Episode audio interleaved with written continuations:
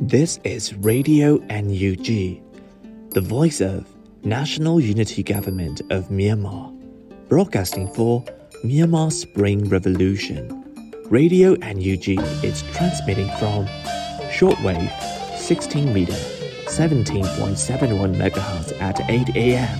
and 25 meter 11.965 megahertz at 8 p.m. Myanmar Standard Time. မင်္ဂလာပါခင်ဗျာအမျိုးသားညီညွတ်ရေးအစိုးရရဲ့အတန်လွင့်ဌာန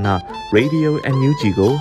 မနက်၈နာရီမှာလိုင်းတို16မီတာ17.7 MHz ညပိုင်း၈နာရီမှာလိုင်းတို25မီတာ17.665 MHz တို့မှာဓာတ်ရိုက်ဖမ်းယူနားဆင်နိုင်ပါပြီမင်္ဂလာအပေါင်းနဲ့ပြည့်စုံကြပါစေအခုချိန်ကစပြီး Radio NUG အစီအစဉ်တွေကိုဓာတ်ရိုက်အတန်လွှင့်ပေးနေပါပြီ။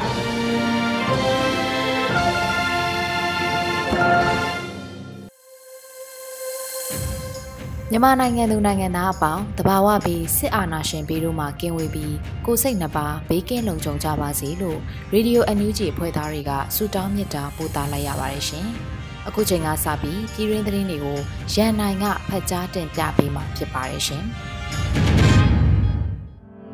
မင်္ဂလာပါခင်ဗျာ။ခုချိန်ကစပြီးရေဒီယိုအန်ယူဂျီညခင်းသတင်းတွေကိုဖတ်ကြားတင်ပြပေးပါတော့မယ်ခင်ဗျာ။အခုတင်ပြပေးမယ့်သတင်းတွေကတော့ ရေဒီယို NUG သတင်းတောင်ကန်တွေနဲ့ခိုင်လုံတဲ့မိဘသတင်းရင်းမြစ်တွေကအခြေခံထားတာဖြစ်ပါတယ်ကျွန်တော်ကတော့ရန်နိုင်ပါမြန်မာပြည်သူတို့ရဲ့အသက်အိုးအိမ်ကိုအမြန်ဆုံးကယ်တင်ပေးဖို့လုံခြုံရေးကောင်စီထံတမ်မတ်ကြီးဦးကျော်မိုးထွန်းစာပေးပို့တောင်းဆိုတဲ့သတင်းကိုတင်ဆက်ပေးပါမယ်ကုလလုံခြုံရေးကောင်စီပါဝင်နိုင်ငံတကာအတိုင်းဝိုင်းအနေနဲ့မြန်မာပြည်သူတွေရဲ့အသက်အိုးအိမ်စည်းစိမ်တွေကိုအမြန်ဆုံးကယ်တင်ပေးစီလိုကြောင်း တမ်မတ်ကြီးဦးကျော်မိုးထွန်းကတောင်းဆိုလိုက်ပါတယ်အကြမ်းဖက်စစ်တပ်ကကရားပြည်နယ်အတွင်းအရသာပြည်သူတွေကိုမိရှို့တပ်ဖြတ်မှုအပေါ်အရေးယူပေးဖို့ကုလသမဂ္ဂလုံခြုံရေးကောင်စီထံ NUG အစိုးရရဲ့ကုလအမြဲတမ်းကိုယ်စားလှယ်ဦးကျော်မိုးထွန်းကစာရေးသားပေးဖို့တောင်းဆိုရမှာအဲ့ဒီလိုဖော်ပြထားပါတယ်။မြန်မာအကြမ်းဖက်စစ်တပ်ဟာပြည်သူတွေကိုလူမဆန်စွာနှိပ်စက်ညှဉ်းပန်းတပ်ဖြတ်မှုတွေကျူးလွန်နေတာနဲ့ပတ်သက်ပြီးကုလသမဂ္ဂအနေနဲ့ လွတ်လပ်ပြီးဗတ်လိုက်မှုမရှိတဲ့စုံစမ်းစစ်ဆေးအဖွဲ့ကိုအမြန်ဆုံးဖွဲ့စည်းဖို့အထူးပင်အရေးကြီးလိုအပ်နေကြောင်းတမ်မတ်ကြီးဦးကျော်မိုးထွန်းကဆိုပါတယ်။လုံခြုံရေးကောင်စီထံဦးကျော်မိုးထွန်းပေးပို့တဲ့စာထဲမှာကရင်ပြည်နယ်လေးကေကောဒေသကိုအကြမ်းဖက်စစ်တပ်ကလက်နက်ကြီးတွေရဟတ်ရင်တွေတုံးပြီးတိုက်ခိုက်မှုကြောင့်အရက်သားတွေတေဆုံးဒဏ်ရာရနေတာ။မကွေးတိုင်းကံကောမြို့နယ်မှာအကြမ်းဖက်စစ်တပ်ကစစ်သုံးရဟတ်ရင်တွေနဲ့လက်နက်ကြီးတွေအုံပြုပြီးတိုက်ခိုက်တဲ့အတွက်နေအိမ်တွေထောင်ထဲချီပျက်စီးခဲ့တယ်လို့ ဒေသခံပြည်သူတွေလည်းသေဆုံးဒဏ်ရာရတာနဲ့ထောင်ထဲချီတဲ့ပြည်သူတွေစစ်ဘေးရှောင်နေရတာတွေကိုပါထည့်သွင်းရေးသားထားပါတယ်။ဒါပြင်ကုလသမဂ္ဂအနေနဲ့စစ်ဘေးဒုက္ခသည်တွေအတွက်လုံခြုံစိတ်ချရမယ့်နေရာတစ်ခုနယ်စပ်မှာအမြန်ဆုံးလုပ်ပေးစီလိုတယ်လို့တောင်းဆိုထားပါတယ်။ဒီဇင်ဘာလ24ရက်နေ့ကကရားပြည်နယ်ဖရူဆိုမြို့နယ်မိုဆိုကျေးရွာနီမှာတိုက်ပွဲကြောင့်ထွက်ပြေးလာတဲ့ကလေးငယ်နဲ့အမျိုးသမီးတွေအပါအဝင်အရသာပြည်သူ35ဦးကျော်ကို အကြမ်းဖက်စစ်တပ်ကအရှင်လက်လက်မိရှုတပ်ဖြတ်ခဲ့ပါတယ်။အဲဒီဖြစ်စဉ်နဲ့ပတ်သက်ပြီးကုလအပါအဝင်နိုင်ငံတကာအတိုင်းဝိုင်းကအထူးပဲစိုးရိမ်ထိတ်လန့်မိကြောင်းကြေညာချက်ထုတ်ပြန်ကရှုံချခဲ့ကြပါတယ်ခင်ဗျာ။နချောင်းကြီးရွာအနီးတိုက်ပွဲအတွင်းစစ်ကောင်စီတပ်မှပစ်တက်ထားတဲ့ဒေသခံပြည်သူများရဲ့အလောင်းများကောက်ယူဖို့ခက်ခဲနေစေဖြစ်တဲ့ဆိုတဲ့သတင်းကိုတင်ဆက်ပေးပါမယ်။စကိုင်းတိုင်းကလေးမြို့နယ်တောင်ဘက်ရှိနချောင်းကြီးရွာနီးဒီဇင်ဘာလ22ရက်ညကစပြီးတိုက်ပွဲဖြစ်ပွားခဲ့ရမှာ စစ်ကောင်စီတပ်မှပစ်ခတ်တပ်ဖြတ်ထားတဲ့ဒေသခံပြည်သူအလောင်းများကောက်ယူဖို့ခက်ခဲနေကြောင်းဒီဇက်သူများထံကသိရပါတယ်။ကျွန်တော်တို့စီမှာအခုနောက်ဆုံးကြားတဲ့သတင်းရတော့စလေးလောင်းလောက်ရှိနေပြီလို့သိရတယ်ဗျလောလောဆယ်တော့အဲ့ဒီဂျွာနာတဝိုက်တိုက်ပွဲဖြစ်နေသေးလို့သေးနေတဲ့အလောင်းကောက်ယူဖို့တော့တော်တော်ခက်နေတယ်လို့အမည်မဖော်လို့တဲ့ဒေသခံတူကပြောပါတယ်ပြစ်သက်ခံထားရတဲ့သေဆုံးသူတွေရဲ့အလောင်းတွေကိုနာရေးကူညီမှုအသင်းကကူညီသက်ထုတ်ပေးနေပေမဲ့လည်း တိုက်ပွဲပြင်းထန်နေတဲ့အတွက်လေးလောင်းသာတည်နိုင်သေးတယ်လို့၎င်းကဆက်ပြောပါတယ်ရွာမှာလည်းတိုက်ပွဲကဆက်ဖြစ်နေသေးတော့နာရေးကူညီမှုအသင်းကလည်းဝင်ရခတ်အလောင်းကအခုတိထားတာ14လောင်းနဲ့က4လောင်းပဲသယ်လို့ရသေးတယ်။တည်ထားတာဒီတက်များရင်လည်းများနိုင်သေးတယ်ကြလို့အမည်မဖော်လို့တဲ့ဒေသခံတူကပြောပါတယ်။နေချောင်းရွာမှာဒီဇင်ဘာလ22ရက်နေ့ကစပြီးစစ်ကောင်စီတပ်မှဒေသခံပြည်သူအချို့ကိုလိုက်လံဖမ်းဆီးမှုတွေပြုလုပ်လာတဲ့အပြင်ရွာရင်းဝင်ရောက်တက်ဆွဲထားပြီးနေအိမ်များဖျက်ဆီးခြင်း အပြစ်မဲ့ပြည်သူတွေကိုဖမ်းဆီးခြင်းများပြုလုပ်ခဲ့ကြပါတယ်။ဒါပြင် PDF ကလေးရဲ့ယခုထုတ်ပြန်ချက်အရဒဒီဇင်ဘာလ26ရက်ညမှဒီဇင်ဘာလ29ရက်နေ့မနက်6နာရီဝန်းကျင်အထိအဲ့ဒီနတ်ချောင်းရွာအတွင်းဝင်ရောက်တက်ဆွဲနေထိုင်တဲ့စစ်ကောင်စီတပ်ကိုပကဖပူးပေါင်းဖွဲ့တွေကပိတ်ဆို့တိုက်ခတ်မှုတွေပြုလုပ်ခဲ့တယ်လို့လည်းထုတ်ပြန်ထားပါတယ်။အဲ့ဒီတိုက်ပွဲမှာတော့ PDF ကလေးမှတအူ CNDF မှတအူကြာဆုံးပြီးတော့တရားရရှိသူ၄ဦးရှိခဲ့က စစ်ကောင်စီဘက်ကလည်းထိခိုက်ဒေဆုံးမှုတွေရှိနိုင်ကြောင်းထုတ်ပြန်ချက်မှာပါရှိပါတယ်။ဒါပြင်နှချောင်းရွာမှာဒီဇင်ဘာလ22ရက်နေ့ကနေ MPT ဖုန်းလိုင်းတွေဖြတ်တောက်ခံထားရတဲ့အတွက်ထွက်ပြေးသူချို့တွေလည်းဖုန်းလိုင်းတွေမမိတဲ့နေရာတွေမှာရောက်ရှိနေတာကြောင့်အန္တရာယ်ရှိမရှိမသိနိုင်သေးပါဘူး။နှချောင်းရွာဟာအင်ဂျင်2000ဝန်းကျင်ရှိပြီးတော့ကလေးမျိုးတောင်ဘက်15မိုင်ခန့်အကွာမှာတည်ရှိတဲ့ကြေးရွာဖြစ်ကလက်ရှိချိန်မှာတော့စစ်ရှောင်နေသူ2000ဝန်းကျင်ခန့်ရှိနေပြီဖြစ်တယ်လို့လည်းသိရပါတယ်။ ဒါပြင်ကလေးမျိုးနယ်တောင်ပိုင်းတိုက်ပွဲပြင်းထန်နေစေဖြစ်တဲ့အတွက်ကလေးကံကောလမ်းမကြီးမှာဖြတ်တန်းသွားလာခြင်းမပြုလုပ်ဖို့ကိုလည်း PDF ကလေးကသတိပေးထားပါတယ်ခင်ဗျာခုတစ်ခါမှာတော့ရှမ်းတောင်မှာ RCSS ကလူသစ်စုဆောင်လို့ရွာကန်တွေတောထဲထွက်ပြေးတင်းရှောင်နေရတဲ့တဲ့ရင်ကိုလည်းတင်ဆက်ပေးပါဦးမယ်ရှမ်းပြည်နယ်တောင်မိုင်းကင်လဲကြားနဲ့ခြေသီးမြို့နယ်ကခြေရော်တွေကိုရှမ်းပြည်ပြည်လဲထူထောင်ရေးကောင်စီ RCSS ကလူသစ်စုဆောင်တာကြောင့် ဒီဇင်ဘာလ26ရက်မှာရွာကန်တွေထွက်ပြေးတင်းရှောင်နေရတယ်လို့သိရပါတယ်ထွက်ပြေးတင်းရှောင်နေရတဲ့ခြေသီးမြို့နယ်ကဒေသခံတူက RCSS တွေကရွာမှာစစ်သားလာကောက်တော့အကုန်ထွက်ပြေးလာကြတယ်အခုတော့သူတို့တော်တော်ကောက်နေတယ်လောလောဆယ်တောထဲမှာပြေးနေရတယ်ခုထိတော့ထမင်းမစားရသေးဘူးလို့ဒေသခံတွေကပြောပါတယ်စစ်ကောက်ခံရတဲ့ကြီးရွာတွေမှာလဲကြားမြို့တွေကခိုင်းတုံရွာ6ယောက်ပန်ညောင်း3ယောက်လုံတုံရွာ3ယောက်မိုင်းကန်မြို့နယ်မှာဟိုယိုကြီးရွာ10ယောက် လွိုင်းလန်ပန်လော့ကိပူလှုပ်ခါစားတဲ့ကြီးရွာတွေမှာ3ယောက်စီတယ်ဂျီဒီမြို့နယ်မိုင်းတော်မြို့နယ်ကွင်းမှာအန်ထွန်းနားလင်းလိုက်ဖိုင်ယန်ရွာတွေမှာ3ယောက်စီကောက်ခံနေတာဖြစ်ပါတယ်စစ်သားကောက်ခံနေရတဲ့လုံတုံရွာကန်တူကအိမ်ထဲမှာဝင်မှွေပြီးပစ္စည်းတွေလည်းယူသွားတယ်မွေးမြူထားတဲ့ကျွင်းထောက်ထရိတ်ဆန်တွေကိုလည်းယူသွားတယ်လို့ပြောပါတယ်စစ်ကောက်ခံထားရတဲ့အဲ့ဒီရွာတွေထဲမှာမှလုံတုံရွာကန်နဲ့ဟိုယိုရွာကန်တွေဟာရွာလုံးကျွတ်ထွက်ပြေးတင်းရှောင်နေကြရတာဖြစ်ပါတယ်အဒီကိစ္စနဲ့ပတ်သက်ပြီး ရှမ်းပြည်ပြည်လဲထူထောင်ရေးကောင်စီ RCSS တပ်ဖွဲ့ပြောရေးဆိုခွင့်ရှိသူဗိုလ်မှူးဆိုင်းခန်းဆန်ကိုမေးမြန်းရမှာတော့ကျွန်တော်အဲ့ဒီတည်းမကြားသေးဘူး။ဘာဖြစ်လို့လဲဆိုတော့နေမြေမတည်ငြိမ်မှုလည်းဖြစ်တယ်။စစ်ပြေးဒုက္ခတဲ့ IDP တွေလည်းရှိနေတယ်။နောက်တစ်ခုကစီရေးတင်းမာမှုလည်းရှိတော့မသိရသေးဘူးလို့ပြောပါတယ်။ရှမ်းပြည်နယ်တောင်ပိုင်းမှာမိုင်းကံမြို့နယ်နဲ့ဂျီဒီမြို့နယ်တို့မှာ RCSS နဲ့ SSPB တပ်တွေအကြားတိုက်ပွဲပြင်းထန်စွာဖြစ်ပွားတဲ့နေမြေဒေသလည်းဖြစ်ပါတယ်ခင်ဗျာ ပလောဝမြို့နယ်စမီးမြို့မှ NLD လွှတ်တော်အမတ်ဦးရဲ့နေအိမ်ချိတ်ပိတ်ခံရတဲ့တဲ့ရင်ကိုတင်ဆက်ပေးပါမယ်။ချင်းပြည်နယ်ပလောဝမြို့နယ်စမီးမြို့မှအမျိုးသားဒီမိုကရေစီဖွဲ့ချုပ် NLD အမျိုးသားလွှတ်တော်ကိုယ်စားလှယ်ရဲ့နေအိမ်ကိုဒီဇင်ဘာလ26ရက်ညနေ12နာရီမှာချိတ်ပိတ်ခံခဲ့ရတယ်လို့ဒေသခံတွေကပြောပါတယ်။အမျိုးသားလွှတ်တော်ကိုယ်စားလှယ်စလိုင်းဦးမျိုးထက်ရဲ့နေအိမ်ကိုစစ်သားနဲ့ရက်တွဲဖွဲ့တွေရက်ကွက်အုပ်ချုပ်မှုနဲ့ရက်ကွက်လူကြီးတချို့လာရောက်ပြီးတော့နေအိမ်ကိုချိတ်ပိတ်ခဲ့တာဖြစ်တယ်လို့သိရပါတယ်။ အဲဒီလွှတ်တော်အမတ်အိမ်ကိုစစ်သားရက်တပ်ဖွဲ့ဝင်များနဲ့ရမင်းရဖများတွားရောက်ပြီးချိတ်ပိတ်ခဲ့ခြင်းဖြစ်ကအခုလိုပြုလုပ်ခဲ့တဲ့အကြောင်းရင်းကိုတော့တေချာသိရှိမှုမရှိဘူးလို့စမီးမျိုးမှအမှတ်၁ရက်ကွက်အုပ်ချုပ်မှုဦးဦးတန်းနိုင်ကပြောပါတယ်။သူကကျွန်တော်တို့ရက်ကွက်ကပါမနေ့ကကျွန်တော်ကိုအကြောင်းကြားလာတယ်သူ့အိမ်ကိုသွားမယ်ရမင်းရဖတွေခေါ်ပြီးစောင့်နေဆိုပြီးတော့အဲ့ဒီတော့12နာရီလောက်မှကျွန်တော်တို့သွားပြီးချိတ်ပေးခဲ့တာပါသူ့အိမ်သွားတဲ့အထဲမှာစစ်သားက9ယောက်အဒူရဲအုပ်စခန်းမှုအပောင်ဝင်ရဲက9ယောက်ပါတယ် အဖားကြောင့်ပိတ်တယ်ဘလောက်ကြောင်ပိတ်မယ်ဆိုတာတော့ကျွန်တော်လည်းသိကြမသိဘူးလို့ပြောပါတယ်အန်ဂဒီလွတ်တော်အမတ်ဦးမျိုးထိုက်နေအတွင်းရှိလက်ကင်ဖုန်းတွေနဲ့ပစ္စည်းတချို့ကိုတပ်ဆိုင်ရာကတင်စီသွားတယ်လို့လည်းသိရပါတယ်ခင်ဗျာ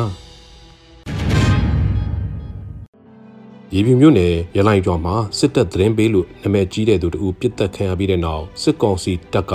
ရွာရှိ NLD ဥက္ကဋ္ဌအပါအဝင်၃ဦးကိုဖမ်းဆီးခဲ့တဲ့သတင်းကိုတင်ဆက်ပေးပါမယ်။ဒီနေ့နိုင်တိုင်းရေပြူမြို့နယ် ရလိုင်ကျော်မှာစစ်ကောင်စီသတင်းပေးလို့နာမည်ကြီးတဲ့အမျိုးသားတဦးတနက်နဲ့ပြစ်ခတ်ခံရပြီးတဲ့နောက်ရွာမှာရှိတဲ့ NLD ဥက္ကဋ္ဌအပါအဝင်ပါတီအဖွဲ့ဝင်၃ဦးကိုစစ်ကောင်စီတပ်ကဖမ်းဆီးစစ်ဆေးနေတယ်လို့သိရပါတယ်။ဒီဇင်ဘာလ26ရက်မနက်9:00နာရီခွဲအချိန်ခန့်ကရွာမှာရှိတဲ့သတင်းပေးဒလန်လို့နာမည်ကြီးတဲ့ဦးကိုလေးလွင်ဆိုသူဟာတနက်နဲ့ပြစ်ခံပြီးတဲ့နောက်ရွာရှိ NLD ပါတီဝင်များကိုတန်တရားရှိတဲ့ဆိုတဲ့ဆွဆွဲချက်နဲ့စစ်ကောင်စီတပ်ကဖမ်းဆီးသွားတယ်လို့ဒေသခံတူကပြောပါတယ်။ တနက်ပြစ်ခံရသူကဒဝဲတိုင်းသားပါတီကပါတီဝင်တူပဲစစ်တပ်နဲ့ပူးပေါင်းပြီးရွာထဲမှာဒုက္ခပေးနေတဲ့တယောက်လို့သူကပြောပါတယ်။ပြစ်ခတ်မှုဖြစ်ပြီးတဲ့နောက်စစ်ကောင်စီတပ်ဟာဂျေးရွာအတွင်းကိုဝင်ရောက်လာပြီး NLD ဥက္ကဋ္ဌဦးတင်ဆိုအဖွဲ့ဝင်ဦးနေဆန်းလင်းအဖွဲ့ဝင်ကိုဝေရန်နိုင်တို့၃ဦးကိုဖမ်းဆီးသွားတယ်လို့၎င်းကထပ်မံပြောဆိုပါတယ်။ဖမ်းဆီးခံရသူများမှာ PDF ဖွဲ့စည်းနဲ့အချိတ်ဆက်ရှိတယ်လို့ဆွဆွဲခံရပြီးရေပီမြို့နယ်ရဲစခန်းမှာရိုက်နှက်စစ်ဆေးခံရတယ်လို့ဒေသခံကပြောပါတယ်။ ပြစ်ခတ်ခံရသူဦးကွေလေးလွင်ဟာလက်ရှိမှာတော့မယ်ဒီလန်စေယုံမှာစီးကူးတမှုခံယူနေရပြီး၎င်းကိုဘယ်အဖွဲ့အစည်းကပြစ်ခတ်တယ်ဆိုတာကိုတော့မသိရှိရသေးပါဘူးခင်ဗျာ။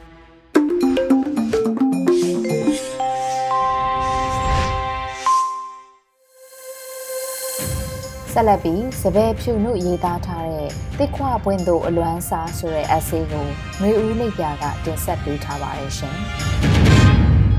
ဘယ်သူမှမခေါ်ဘူးသည့်နန်းစားကိုမှတုံနှုံထက်သောချစ်ခင်သူတယောက်ကျမမှရှိပါသည်။သူကျမကိုခေါ်တာခွေးညမလေးတဲ့အငယ်ဆုံးခွေးညမလေးတဲ့။သူကိုသူတော့ခွေးမကြီးဟုတုံနှုံတတ်ပါသည်။ဒါကလည်းအချင်းချင်းရှိနေချိန်မျိုးမှသာချစ်စနိုးခေါ်တတ်တာပါ။များသောအားဖြင့်တော့နမီရင်သာခေါ်တတ်ပါသည်စာပင်နယ်ရောက်ပြီးအချိန်တစ်ခုအကြာမှာကျမသူ့ကိုစတွေ့ပါသည် ခေါ်နေကြလို့ဆီယာမခေါ်ပေမဲ့အမကြီးတယောက်လိုပဲခံစားရပါသည်သူကလည်းသူ့ကိုယ်သူအမကြီးကလေလိုပဲပြောရတာအချို့ကသူ့ကိုအမေတဲ့တကယ်အမေလိုအမလိုပါပဲသူ့မှာထင်ရှားတာကမေတ္တာပြေသောအပြုံးဖြစ်သည်အမြဲလိုတွေ့ရတတ်သည့်အပြုံးမျက်နှာဖြစ်သည်တွေ့လိုက်တိုင်းညီမတွေလိုကျမတို့ကိုစီးဖတ်ထားတတ်သည်သူနှင့်ပတ်သက်၍အမတ်တရအရေးတို့ကိုပြန်တွေးတော့ တစ်ခွပန်းများကိုမြင်အောင်လာပါသည်တစ်ခွပန်းများကိုသူနှစ်နှစ်သက်သက်ပန်တတ်တာကျမမှတ်မိပါသည်သို့တော်လဲအောက်ကလှချိတ်လုံးကြီးနှစ်တော့အယောင်ချင်းတိုက်ချင်မှတိုင်မှာတခါတော့ကချိတ်လုံးကြီးကအစိမ့်နူရောင်တစ်ခွပန်းကခရမ်းရောင်ဟမ်အယောင်လည်းမတူဘူးဆိုတော့ခြံထဲမှာဒီအယောင်ပဲပွင့်တာကိုတဲ့သူ့အိမ်ရှိမှစိုက်ထားသောတစ်ခွပင်များကိုအိမ်ရောက်ခိုင် တကူးတကပြခဲ့ဘူးတာလည်းတတိယပါသည်ဒီအပင်တွေပေါ့ပန်းတွေပွင့်မင်းနေတာပန်းလို့တော့မနိုင်ဘူးသွားစရာရှိရင်ခုပန်လိုက်ရုံပဲတဲ့သူဟင်းချက်ကောင်းတာကျမကြားဘူးပါသည်သို့တော်လဲကျမနှင့်စတွေ့ချိန်မှာတော့သူကအလုံများလာပါပြီ။သူ့မှာတကိုးစားအားလက်ချိန်ဘလို့များယူပါမလဲကျမအံ့အားသိငယ်ဘူးပါသည်သူတပားအတွက်ပဲအချိန်ပေးကုံဆုံးတတ်သူ ပရဟိတအလုပ်ပဲစိတ်ထဲရှိသူမှနားကျင်ရောရှိရဲ့လားသူ့ကိုတွေးလိုက်လျင်တော့မပင်ပန်းတတ်တော့သလိုအသက်အရွယ်ငယ်နှုတ်သေးသလိုတက်ကြွလန်းဆန်းမြဲပါအမတ်ရဘွယ်တို့ကိုပြန်ပြောင်းစဉ်းစားတော့တခါတော့ကမျိုးသားကဆိုင်ုံတညာကိုကျမသတိရလာသည်အဲ့ဒီတုန်းကပြဿဝင်ကတော့ပထမဆုံးအချီပရိသတ်နှင့်နဖူးတွေ့တူးတွေ့တယောက်ချင်းမိတ်ဆက်ချင်းကျမစိတ်လှုပ်ရှားတူးတုံနေခဲ့သည် စင်အောက်ကပရိသတ်ကိုကြောက်နေခဲ့သည်မီးအောင်တွေကလည်းစူးလိုက်တာကိုယ်လည်းမရောက်ခင်ပြုံးနေရမှာလားခက်တီတီနေရမှာလားမျက်နာဘောကမိတ်ကပ်တွေကလည်းထူလိုက်တာနော်လက်ချောင်းများအချင်းချင်းစုံနေကကျမထိတ်လန့်နေခဲ့ခြင်းအဲ့ဒီအချိန်မှာပေါ့ဟေးဟေးဟူသောအသံတိုးတိုးသည်စင်ပေဘက်လီကားအနီးမှပေါ်လာသည်သူသည်မူပိုင်အပြုံးပွင့်ခက်ကြီးကြီးနှင့်ကျမတို့ကိုလှမ်းနှုတ်ဆက်နေသည် တယောက်ချင်းနမီတွေခေါ်လို့ပြီးတော့လဲကျမကြောက်နေခဲ့တာသို့သူရိပ်မိသလားမသိမကြောက်နဲ့သိလားဟုလမ်းပြောပါသည်ကျမချက်ချင်းလက်ငင်းအားရှိသွားသည်ရီမောတိုင်သွားပါသည်တစ်ချိန်ကအရေးတို့သည်တွေးလျင်မဆုံးငေးလျင်လည်းမဆုံးတော့ပါအခုနေသူပဲစီမလဲကျမမသိပါ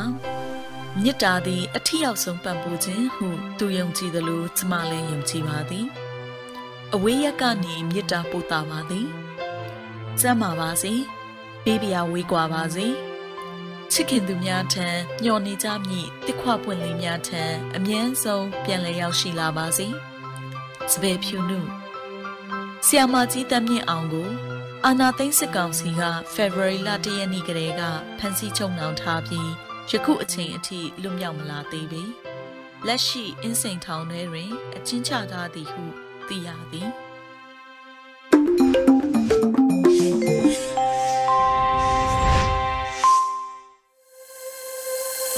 Radio NUG မှာဆက်လက်အသံလွှင့်နေပါတယ်။ အောင်သူငိမ့်ရေးသားထားပြီးနှွေဦးမောင်ဖတ်ကြားထားတဲ့ထိုင်းနိုင်ငံရဲ့ crypto ငွေကြေးအပိုင်းတစ်ဆိုတဲ့မုံမခတဲ့ဆောင်းပါးအစီအစဉ်ကို နားဆင်ကြရမှာဖြစ်ပါရဲ့ရှင်။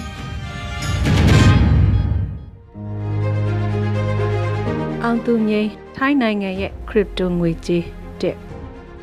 ကနဦးကြိုပြောရရင်ကျွန်တော်က crypto ငွေကြေး cryptocurrency နဲ့ပတ်သက်လို့ကျွမ်းကျင်သူတူမဟုတ်ပါဘူး။ mining လို့ခေါ်တဲ့ mine to ပေါ်ရင်းနှီးမြုပ်နှံထားသူတဦးလည်းမဟုတ်ပါဘူးထူးခြားလို့တည်တဲ့လို့ပို့ဖက်ဒီဖက်လုံနေသူတဦးသာဖြစ်ပါတယ်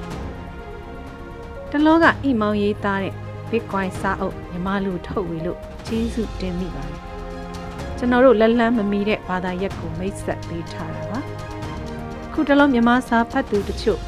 Bitcoin crypto ငွေကြေးနဲ့ပတ်သက်လို့စိတ်ဝင်စားမှုမြင့်တက်လာပါတယ်။ ကျောင်းကတော့မြန်မာနိုင်ငံအတွင်းမှာဗဟိုဘဏ်ကသုံးစွဲခွင့်ပိတ်ပင်ထားပေမဲ့ NUG အစိုးရက USDT လို့ခေါ်တဲ့ Tether crypto ငွေကြေးကိုတရားဝင်သုံးစွဲဖို့ကြေညာလိုက်တဲ့အခါ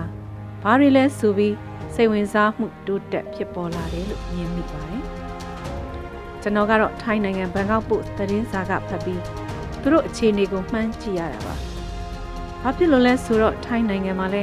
ခုခါ ခရစ်တိုငွေကြေးကိုလူတွေစိတ်ဝင်စားရင်းနှီးမြုပ်နှံမှုတွေလုပ်လာကြလို့ပါပဲ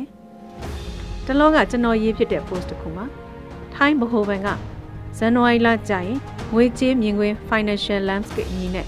အကြံပြုစာတမ်းတစ်စောင်ထုတ်ပြန်မှုရှိတယ်လို့ဆိုပါတယ်။အဲ့ဒီစာတမ်းမှာ digital ငွေကြေး green finance နဲ့ပတ်သက်တဲ့နယ်ပယ်ဒါကနောက်ပိုင်းခေတ်စားလာမဲ့တဘောက်ပဝင်းကျင်ထိန်သိမ်းရေးဤပညာများနဲ့အဲ့ဒါတွေပေါ်ရင်းနှီးမြုံနှံမှုများအ ခြားဆက်ဆက်ကိစ္စတွေမှာသတိပြုစရာ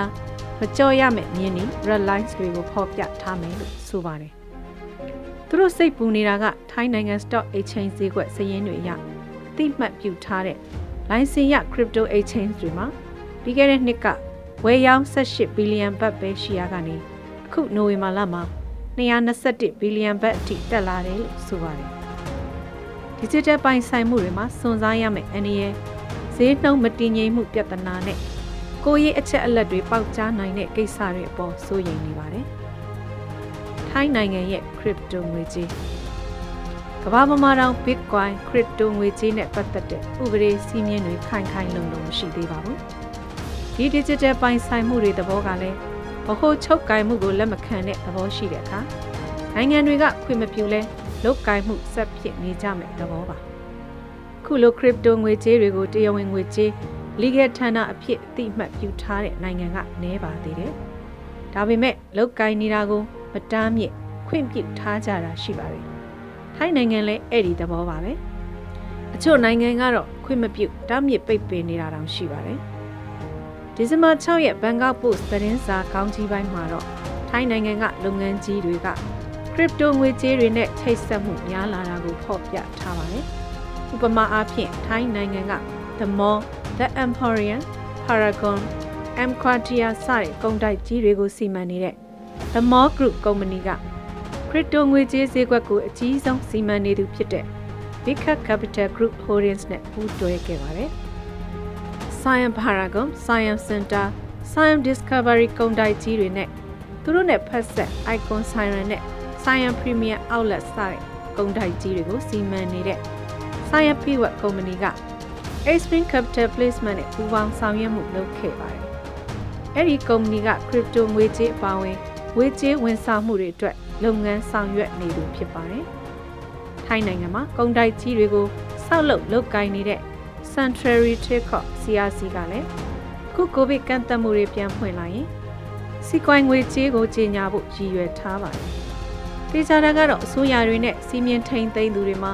အန်ရရှိနိုင်မှုနဲ့ Digital Chaos နဲ့ Digital Ecology ဖွံ့ဖြိုးတိုးတက်လာမှုကြားမှာဘယ်လိုမျှတအောင်ထိန်သိမ်းနိုင်မလဲစူးစမ်းဖို့သတင်းစာကောင်းကြီးပိုင်းကတိုက်တွန်းထားတာပါ။ဒီဇင်ဘာ16ရက်သတင်းစာမှာတော့စီးပွားရေးပညာရှင် Chachai Parasite ရဲ့ crypto ငွေကြေးရဲ့တန်ဖိုးများကိုချိန်ဆခြင်း Waking the Value of Cryptocurrency ဆိုတဲ့ဆောင်းပါးလေးဖတ်ရပါတယ်။သူဖော်ပြထားတာကတော့ ခုချိန်မှာလူတွေက crypto ငွေကြေးအကြောင်းပြောလာကြပါတယ်။တကယ်သိတဲ့သူကနည်းပါသေးတယ်။ဒါပေမဲ့အချို့ကတော့ရင်းနှီးမြုပ်နှံမှုတွေတောင်လုပ်ထားကြပါပြီ။ဒီဇင်ဘာ15ရက်နေ့တန်ဖိုးအရဆိုရင် crypto ငွေကြေးထဲမှာလူသိများတဲ့ Bitcoin တစ်ခုတန်ဖိုးဟာ American Dollar 48,144ရှိနေပါတယ်။လွန်ခဲ့တဲ့3နှစ်တုန်းကတော့ Bitcoin တစ်ခုဟာဒေါ်လာ3,300ပဲဈေးပေါက်ခဲ့ပါတယ်။ပြီးခဲ့တဲ့လကတော့ Bitcoin တစ်ခုဟာ American Dollar 6800အထိအမြင့်ဆုံးထိပ်ကိုရောက်ခဲ့ပါတယ်။အခုတော့6800ကျော်ကနေပြန်ပြုတ်ကျလာတာပါ။အဲ့ဒီလိုဈေးမတည်ငြိမ်တာကြောင့်စိုးရိမ်ကြသလိုလောင်းကစားသပွဲဖြစ်နေတယ်လို့လည်းဆိုကြတာပါ။ဆက်လက်ဖော်ပြပါအောင်မယ်ရှင်။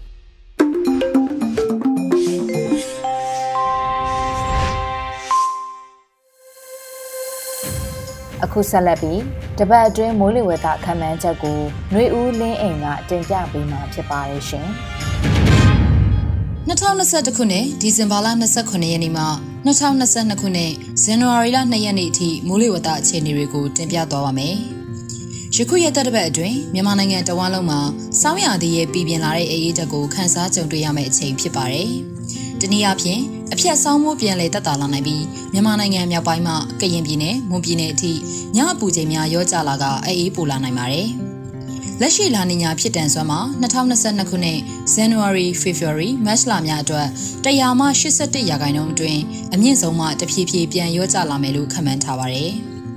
လာနီညာအကျိုးဆက်ဖြစ်လာမယ့်2022ခုနှစ် January, February, March လများမှာရန်ကုန်တိုင်း၊ AR တိုင်း၊ကရင်ပြည်နယ်၊မွန်ပြည်နယ်နဲ့တနင်္သာရီတိုင်းတို့မှာအချိန်အခါမဟုတ်မိုးများရွာသွန်းနိုင်ကြောင်းအသိပေးအပ်ပါတယ်။ယခုရက်သက်ပတ်မှာရှမ်းပြည်နယ်နဲ့တနင်္သာရီတိုင်းတို့မှာမိုးအနှဲငယ်ရွာနိုင်ပြီးတပြည်လုံးမှာတာယာနေပါမယ်။မြန်မာနိုင်ငံအထက်ပိုင်းအလဲပိုင်းအရှေ့တောင်ပိုင်းဒေသတွေမှာအေးလိုင်းအဆင့်မဟုတ်ပေမဲ့ဆက်လက်အေးပိုနိုင်ပါတယ်။ဒီဇင်ဘာလ29ရက်နေ့အတွက်ခန့်မှန်းချက် မြန်မာနိုင်ငံအထက်ပိုင်းနဲ့အလဲပိုင်းတို့မှာအရှေ့တောင်လေများနဲ့အနောက်မြောက်လေများအားပြိုင်တိုက်ခတ်လာနေပါတယ်။မိုးအခြေအနေမှာရှမ်းပြည်နယ်အရှေ့ပိုင်းနဲ့တနင်္သာရီတိုင်းတို့မှာနေရာကွက်ကြားမိုးအနှဲငယ်ရွာနိုင်ပြီးတပြည်လုံးမှာတာယာနေပါမယ်။ကချင်ပြည်နယ်၊စကိုင်းတိုင်း၊ချင်းပြည်နယ်၊ရှမ်းပြည်နယ်၊မန္တလေးတိုင်း၊နေပြည်တော်၊ကယားပြည်နယ်နဲ့ကရင်ပြည်နယ်တို့မှာညအပူချိန်များရောကျလာနိုင်ပြီးဆက်လက်အေးအေးပိုနိုင်ပါတယ်။ မြမပင်လယ်ပြင်တွင်အရှိတ်မလေဟာတနအီလင်း9မိုင်မှ10မိုင်အထိတိုက်ခတ်နိုင်ပြီးလှိုင်းအနှဲငယ်ရှိနိုင်ပါတယ်။ဒီဇင်ဘာလ28ရက်နေ့အတွက်ခန့်မှန်းချက်မြန်မာနိုင်ငံအထက်ပိုင်းနဲ့အလဲပိုင်းတို့မှာအရှိတောင်လေများနဲ့အနောက်မြောက်လေများအားပြိုင်တိုက်ခတ်နိုင်ပါတယ်။မိုးအခြေအနေမှာရှမ်းပြည်နယ်အရှေ့ပိုင်းနဲ့တနင်္သာရီတိုင်းတို့မှာနေရာကွက်ကြားမိုးအနှဲငယ်ရွာနိုင်ပြီးတပြည်လုံးမှာတာယာနေပါမယ်။ ကချင်ပြည်နယ်၊စကိုင်းတိုင်း၊ချင်းပြည်နယ်၊မကွေးတိုင်း၊ရှမ်းပြည်နယ်၊မန္တလေးတိုင်း၊နေပြည်တော်၊ကယားပြည်နယ်နဲ့ကရင်ပြည်နယ်တို့မှာညအပူချိန်များရောကျလာနိုင်ပြီးဆက်လက်အေးပိုနိုင်ပါတယ်။မြမပင်လယ်ပြင်တွင်အရှိတ်ဘက်မှလေဟာတနအီလ9မိုင်မှ10မိုင်အထိတိုက်ခတ်နိုင်ပြီးလှိုင်းအနှဲငယ်ရှိနိုင်ပါတယ်။ဒီဇင်ဘာလ29ရက်နေ့အတွက်ခန့်မှန်းချက်မြန်မာနိုင်ငံအထက်ပိုင်းနဲ့အလဲပိုင်းတို့မှာအရှိတောင်လေများနဲ့အနောက်မြောက်လေများအားပြိုင်တိုက်ခတ်နိုင်ပါတယ်။ မိုးအခြေအနေမှာရှမ်းပြည်နယ်အရှေ့ပိုင်းမှာနေရာကွက်ကြားမိုးနှဲငယ်ရွာနိုင်ပြီးတပြည်လုံးမှာတာယာနိုင်ပါတယ်။ကချင်ပြည်နယ်၊စကိုင်းတိုင်း၊ချင်းပြည်နယ်၊မကွေးတိုင်း၊ရှမ်းပြည်နယ်၊မန္တလေးတိုင်း၊နေပြည်တော်၊ပဲခူးတိုင်း၊ကယားပြည်နယ်နဲ့ကရင်ပြည်နယ်တို့မှာညအပူချိန်များရောကျလာနိုင်ပြီးဆက်လက်အေးနိုင်ပါတယ်။မြမပင်နယ်ပြင်တွင်အရှိပမလေဟာတနအီလ9မိုင်မှ10မိုင်အထိတိုက်ခတ်နိုင်ပြီးလှိုင်းအနှဲငယ်ရှိနိုင်ပါတယ်။ဒီဇင်ဘာလ30ရက်နေ့အတွက်ခန့်မှန်းချက် မြန်မာနိုင်ငံအထက်ပိုင်းနဲ့အလဲပိုင်းတို့မှာအရှိတောင်လေများနဲ့အရှိမြောက်လေများအားပြိုင်တိုက်ခတ်နိုင်ပါတယ်။မိုးအခြေအနေမှာတပြည်လုံးတွင်တာယာနိုင်ပါတယ်။ကချင်ပြည်နယ်၊စကိုင်းတိုင်း၊ချင်းပြည်နယ်၊မကွေးတိုင်း၊ရှမ်းပြည်နယ်၊မန္တလေးတိုင်း၊နေပြည်တော်၊ပဲခူးတိုင်း၊ကယားပြည်နယ်၊ကရင်ပြည်နယ်နဲ့မွန်ပြည်နယ်တို့မှာညအပူချိန်များရောကျလာနိုင်ပြီးဆက်လက်အေးနေနိုင်ပါတယ်။ မြမပင်လယ်ပြင်တွင်အရှိတ်ဘမလေပြင်းများဟာတနအီလ15မိုင်မှ -30 အထိတိုက်ခတ်နိုင်ပြီးလိုင်းအသင်အတင်မှလိုင်းကြီးနိုင်ပါတယ်။ဒီဇင်ဘာလ31ရက်နေ့အတွက်ခန့်မှန်းချက်မြန်မာနိုင်ငံအထက်ပိုင်းနဲ့အလဲပိုင်းတို့မှာအရှိအရှိတောင်လေများပြောင်းလဲတိုက်ခတ်လာနေပါတယ်။မိုးအခြေအနေမှာရှမ်းပြည်နယ်တွင်တရင်အသင်အတင်ဖြစ်ထွန်းနိုင်ပြီးတပြည်လုံးတွင်တာယာနိုင်ပါတယ်။ ကချင်ပြည်နယ်၊စကိုင်းတိုင်း၊ချင်းပြည်နယ်၊မကွေးတိုင်း၊ရှမ်းပြည်နယ်၊မန္တလေးတိုင်း၊နေပြည်တော်၊ပဲခူးတိုင်း၊ကယားပြည်နယ်၊ကရင်ပြည်နယ်နဲ့မွန်ပြည်နယ်တို့မှာညအပူချိန်များရောကျလာနိုင်ပြီးဆက်လက်အေးနေနိုင်ပါတယ်။မြမပင်လယ်ပြင်တွင်အရှိတ်ဘမလေပြင်းများဟာတနအီလ15မိုင်မှ -30 အထိတိုက်ခတ်နိုင်ပြီးလိုင်းအသင်အတင်မှလိုင်းကြီးနိုင်ပါတယ်။ဇန်နဝါရီလ1ရက်နေ့အတွက်ခန့်မှန်းချက်မြန်မာနိုင်ငံအထက်ပိုင်းနဲ့အလဲပိုင်းတို့မှာအရှိအရှိတောင်လေများပြောင်းလဲတိုက်ခတ်လာနေပါတယ်။ မိုးအခြေအနေမှာရှမ်းပြည်နယ်တွင်တိမ်အထင်အထင်ဖြစ်ထွန်းနိုင်ပြီးတပြည်လုံးတွင်တာယာနိုင်ပါတယ်။ကချင်ပြည်နယ်၊စကိုင်းတိုင်း၊ချင်းပြည်နယ်၊မကွေးတိုင်း၊ရှမ်းပြည်နယ်၊မန္တလေးတိုင်း၊နေပြည်တော်၊ပဲခူးတိုင်း၊ကယားပြည်နယ်၊ကရင်ပြည်နယ်နဲ့မွန်ပြည်နယ်တို့မှာညအပူချိန်များရောကျလာနိုင်ပြီးဆက်လက်အေးနေနိုင်ပါတယ်။မြမပင်လယ်ပြင်တွင်အရှိဘမလေပြင်းများဟာတနအီလ15မိုင်မှ -30 အထိတိုက်ခတ်နိုင်ပြီးလှိုင်းအသင်အတင်းမှလှိုင်းကြီးနိုင်ပါတယ်။ဇန်နဝါရီလ2ရက်နေ့အတွက်ခန့်မှန်းချက် မြန်မာနိုင်ငံအထက်ပိုင်းနဲ့အလယ်ပိုင်းတို့မှာအနောက်မြောက်လေနဲ့အရှေ့တောင်လေများပြောင်းလဲအားပြိုင်တိုက်ခတ်နိုင်ပါတယ်။မိုးအခြေအနေမှာကချင်ပြည်နယ်နဲ့ရှမ်းပြည်နယ်အရှေ့ပိုင်းတို့မှာမိုးအနှဲငယ်ရွာနိုင်ပြီးတပြည်လုံးတွင်တာယာနိုင်ပါတယ်။ကချင်ပြည်နယ်၊စကိုင်းတိုင်း၊ချင်းပြည်နယ်၊မကွေးတိုင်း၊ရှမ်းပြည်နယ်၊မန္တလေးတိုင်း၊နေပြည်တော်၊ပဲခူးတိုင်း၊ကယားပြည်နယ်၊ကရင်ပြည်နယ်နဲ့မွန်ပြည်နယ်တို့မှာညအပူချိန်များရော့ကျလာနိုင်ပြီးဆက်လက်အေးနေနိုင်ပါတယ်။မြမပင်လယ်ပြင်တွင်အရှိတ်ဘက်မှလေပြင်းများဟာ တနအီလ15မိုင်မှ -30 အထိတိုက်ခတ်နိုင်ပြီးလိုင်းအသင့်အတင့်မှလိုင်းစီးနိုင်ပါတယ်။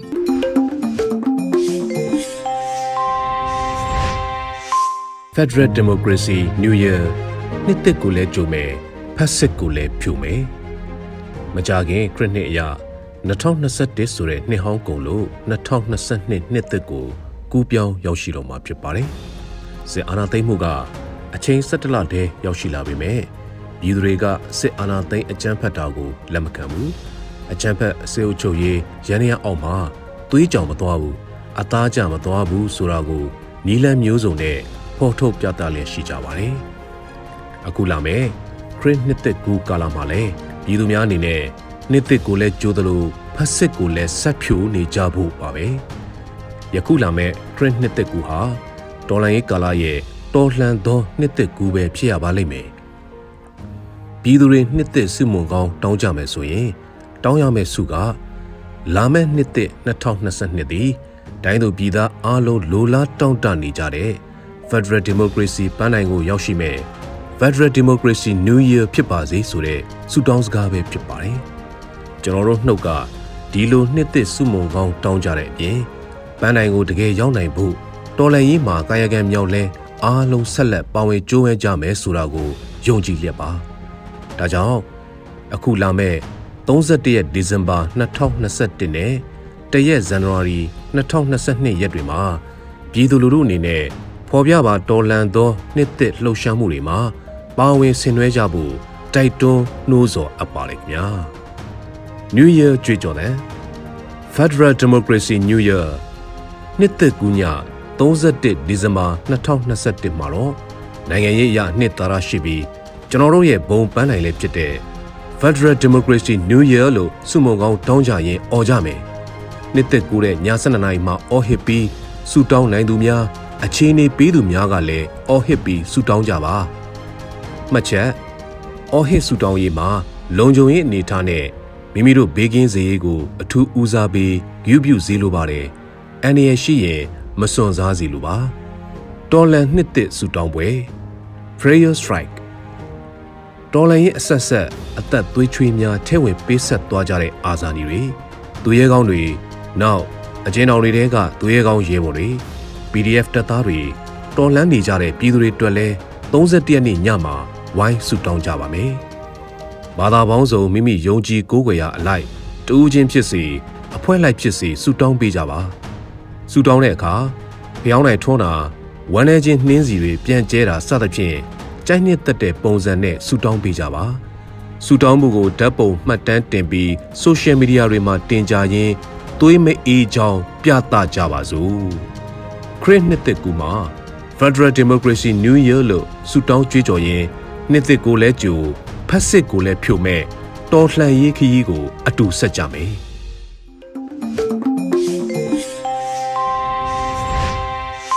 ဒီကနေ့ကတော့ဒီညနဲ့ပဲ Radio NUG ရဲ့အစီအစဉ်တွေကိုခਿੱတရနာလိုက်ပါမယ်မြမစံတော်ချိန်မနက်၈နာရီနဲ့ညနေ၈နာရီအချိန်တွေမှာပြန်လည်ဆုံတွေ့ကြပါစို့ Radio NUG ကိုမနက်၈နာရီမှာလိုင်းတို16မီတာ7.3 MHz ညပိုင်း၈နာရီမှာလိုင်းတို25မီတာ17.665 MHz တို့မှာဓာတ်ရိုက်ဖမ်းယူနားဆင်နိုင်ပါပြီမြန်မာနိုင်ငံသူနိုင်ငံသားများကိုစိတ်နှပြကျန်းမာချမ်းသာလို့ ဘေးကင်းလုံခြုံကြပါစေလို့ Radio NUG အဖွဲ့သူအဖွဲ့သားများကဆုတောင်းလိုက်ရပါတယ်အမျိုးသားညီညွတ်ရေးအစိုးရရဲ့စက်သွယ်ရေးတရင်အချက်အလက်နဲ့ဤပညာဝန်ကြီးဌာနကထုတ်လွှင့်နေတဲ့ Radio NUG ဖြစ်ပါတယ်။ San Francisco Bay Area အခြေစိုက်မြန်မာမိသားစုများနဲ့နိုင်ငံတကာကစေတနာရှင်များလှူအားပေးများရဲ့ Radio NUG ဖြစ်ပါတယ်။အရေးတော်ပုံအောင်ရမည်။